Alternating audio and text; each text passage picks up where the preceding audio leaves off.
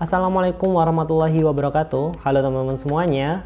Selamat datang kembali di podcast Dengar Buku dan masih bersama saya Sandi Latamau. Bagaimana kabarnya teman-teman? Pasti baik semua kan? Rasanya sudah lama sekali ya saya tidak mengupload atau memposting podcast Dengar Buku ini. Dan saya ucapkan terima kasih kepada teman-teman yang sudah mengikuti podcast Dengar Buku dan setia mendengarkan buku sampai dengan part terakhir dari The Danish Way After Parenting.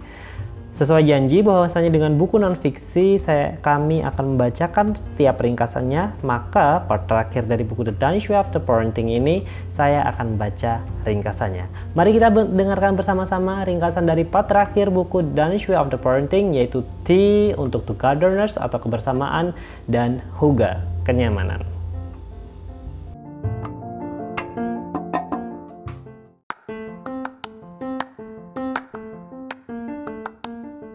Rangkaian dari spelling parent P A R E N T berakhir pada huruf T or togetherness atau kebersamaan dan juga disambung dengan istilah huga. Istilah ini adalah istilah Denmark untuk menyebutkan sebuah kenyamanan. Sebenarnya huga ini adalah sebuah kegiatan yang ada di Denmark kegiatan semacam berkumpul bersama keluarga. Nah, kelihatannya sepele sekali ya berkumpul bersama keluarga. Namun, penelitiannya bahwasanya tingkat kesejahteraan dan kebahagiaan seseorang ditentukan oleh seberapa bagusnya kualitas berkumpul dengan keluarga atau kerabat mereka. Nah, di negara modern, di dunia yang modern sekarang ini cukup susah untuk menerapkan huga atau waktu untuk berkumpul dengan keluarga dan juga kerabat dengan waktu yang berkualitas. Akan tapi orang-orang Denmark mampu menjaga tradisi huga ini turun-temurun hingga sekarang.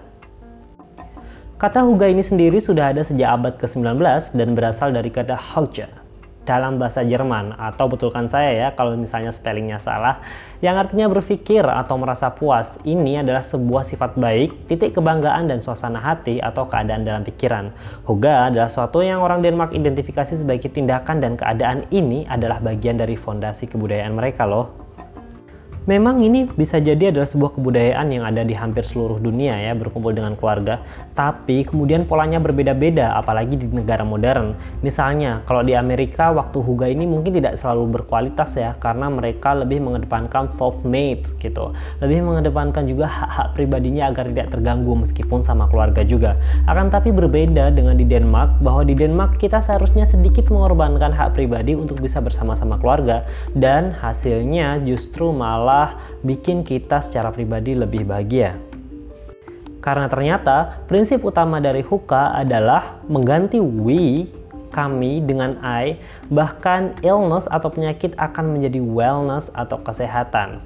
Nah, kita tidak seharusnya uh, mengedepankan me atau saya atau apa yang saya dapatkan ketika melakukan suatu. Akan tapi apa yang kita dapatkan sebagai tim. Kerja sama di Denmark sangat baik terutama untuk Huga ini. Semua yang terlibat Huga termasuk orang tua dan juga anak-anak diminta untuk sama-sama menyukseskan acara ini agar lebih hidup dan tidak bermonoton saja. Ini melatih anak-anak dan juga melatih semua komponen Huga ini untuk bagaimana agar mereka bisa berorganisasi dengan baik dan juga bersosialisasi dengan orang lain. Nyatanya, berhuga ala Denmark itu sangat mengasyikkan sekali dan bahkan keluarga di Denmark melakukan tradisi ini selama bertahun-tahun akan tapi mereka tidak pernah bosan karena mereka selalu mempunyai suatu hal yang berbeda dan juga mempunyai suatu hal yang harus disukseskan bersama-sama untuk mencapai huga yang menyenangkan ini. Di buku ini juga memberikan tips untuk kebersamaan dan huga yang efektif mungkin ya, atau yang membuat sebuah kenyamanan yang hakiki. Wah. Yang pertama adalah ambil sumpah huga. Jadi kita harus membuat sumpah bahwasanya setiap dari kita harus melancarkan agenda huga ini. Kemudian yang kedua adalah nikmati momen bersama. Semua orang harus setuju untuk meninggalkan stres harian mereka di pintu depan. Jangan fokus pada hal buruk dalam kehidupan atau orang lain, Cobalah untuk tidak terlalu banyak membahas atau berbicara hal negatif tentang orang lain, kemudian mari kita menikmati sama-sama Hoga. Kemudian latihan pre-framing atau antisipasi makna, sehingga kalau misalnya di Hoga ini ada hal yang tidak sesuai dengan ekspektasi, kita sudah siap untuk menghadapinya dan selalu mengambil suatu hal yang positif dari apa yang kita hadapi. Berikutnya adalah bersenang-senang bersama, tidak ada orang yang terpinggirkan atau terkucilkan. Tentu saja berikutnya yang kelima adalah buatlah nyaman. Tips berikutnya berhenti mengeluh. Setiap kali kita merasa ingin mengeluh, lihatlah bagaimana kita bisa membantu. Kemudian praktik, praktikkan memaknai ulang jika misalnya kita mulai stres. Jadi kalau misalnya ada satu hal yang di luar ekspektasi kita, ayo kita reframing ya, reframing dan mungkin kita bisa melakukan suatu hal yang lebih baik sebagai alternatif. Kemudian buat segalanya sederhana karena kita sering punya begitu banyak hal yang sebenarnya sederhana akan tapi kita berpikirnya terlalu rumit mungkin ya. Kemudian yang berikutnya adalah tetaplah hadir dan doronglah anak-anak untuk tetap hadir juga. Berikutnya adalah tetap terhubung, kemudian harus ada dorongan untuk bermain, dukungan pengembangan tim, ungkapkan dan bagikan ketika kita misalnya ada dalam momen sulit. Wah, Huga ini adalah waktu yang sangat enak sekali untuk share.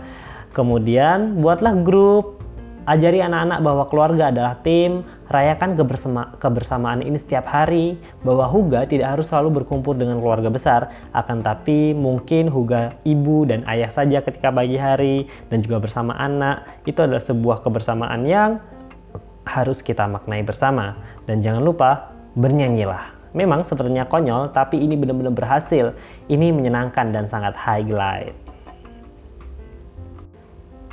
Ya, setidaknya Huga ini akan mengurangi tingkat stres kita dalam mendidik anak-anak dan juga mengajarkan anak-anak untuk bisa lebih bekerja sama dalam tim untuk mengembangkan kebahagiaan bersama. Itu adalah kunci mengapa orang Denmark dinobatkan sebagai orang-orang paling bahagia di dunia. Buku ini juga diakhiri dengan contoh dari sumpah Huga dan bagaimana kemudian kita bisa melakukan Huga seperti tipsnya. Dan akhirnya buku ini di tutup oleh sebuah resume bahwa P A R E N T atau parent yang mana diejawantahkan dalam beberapa kata yaitu play dengan konsepnya autentisitas, reframing, empathy, new ultimatum dan yang terakhir adalah togetherness.